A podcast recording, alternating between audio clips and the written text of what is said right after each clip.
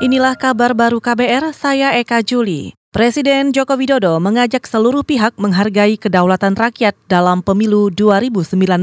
Hal ini disampaikan Jokowi didampingi Ma'ruf Amin dalam keterangan persnya menanggapi penetapan rekapitulasi pemilu di Kampung Deret Johar Baru, Jakarta. Jokowi mengatakan rakyat telah menentukan pilihannya untuk Pilpres maupun Pileg pada 17 April lalu dan hasilnya telah ditetapkan KPU. Rakyat Indonesia telah menentukan pilihannya baik dalam pileg maupun pilpres.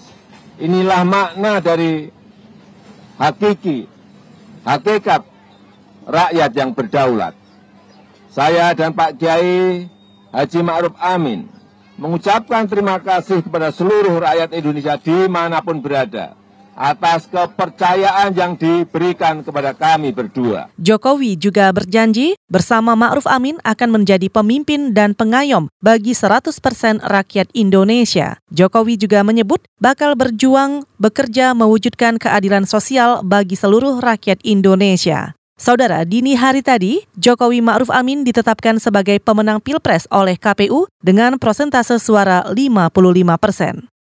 Sementara itu, Prabowo Subianto menolak hasil rekapitulasi suara Pilpres yang ditetapkan KPU. Prabowo beralasan banyak terjadi kecurangan dalam Pilpres 2019. Prabowo juga menegaskan akan menggugat hasil itu lewat jalur hukum. Pihak paslon 02 akan terus melakukan seluruh upaya hukum sesuai konstitusi dalam rangka membela kedaulatan rakyat yang hak-hak konstitusinya dirampas pada pemilu 2019 ini. Prabowo juga menyerukan kepada pendukungnya untuk menjaga keamanan dan ketertiban. Ia juga meminta aksi unjuk rasa yang dilakukan sesuai konstitusi.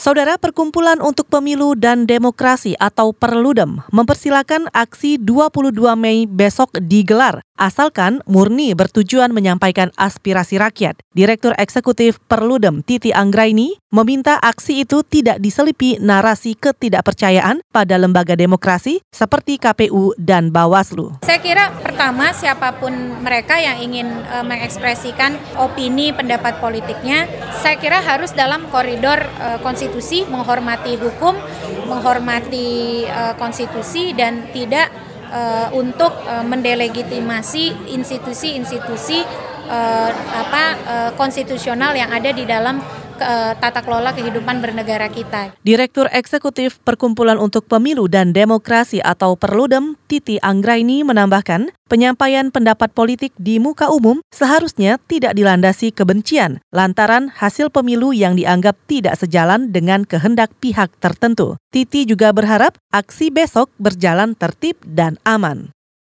Kepolisian Daerah Metro Jaya mencabut surat pemberitahuan dimulainya penyelidikan atau SPDP terhadap Prabowo Subianto dalam kasus dugaan makar. Juru bicara Polda Metro, Argo Yuwono menyampaikan penarikan itu lantaran belum ada penyelidikan awal terkait keterangan tersangka. SPDP itu ya yang uh, menyampaikan bahwa Pak Prabowo ya itu sebagai terlapor adalah hasil ya hasil daripada keterangan tersangka Edi Sujana dengan tersangka Lius ya. Jadi dengan adanya keterangan daripada tersangka itu perlu ada dibuktikan artinya bahwa itu hanya kata dari daripada uh, tersangka ya menyebut nama, menyebut nama.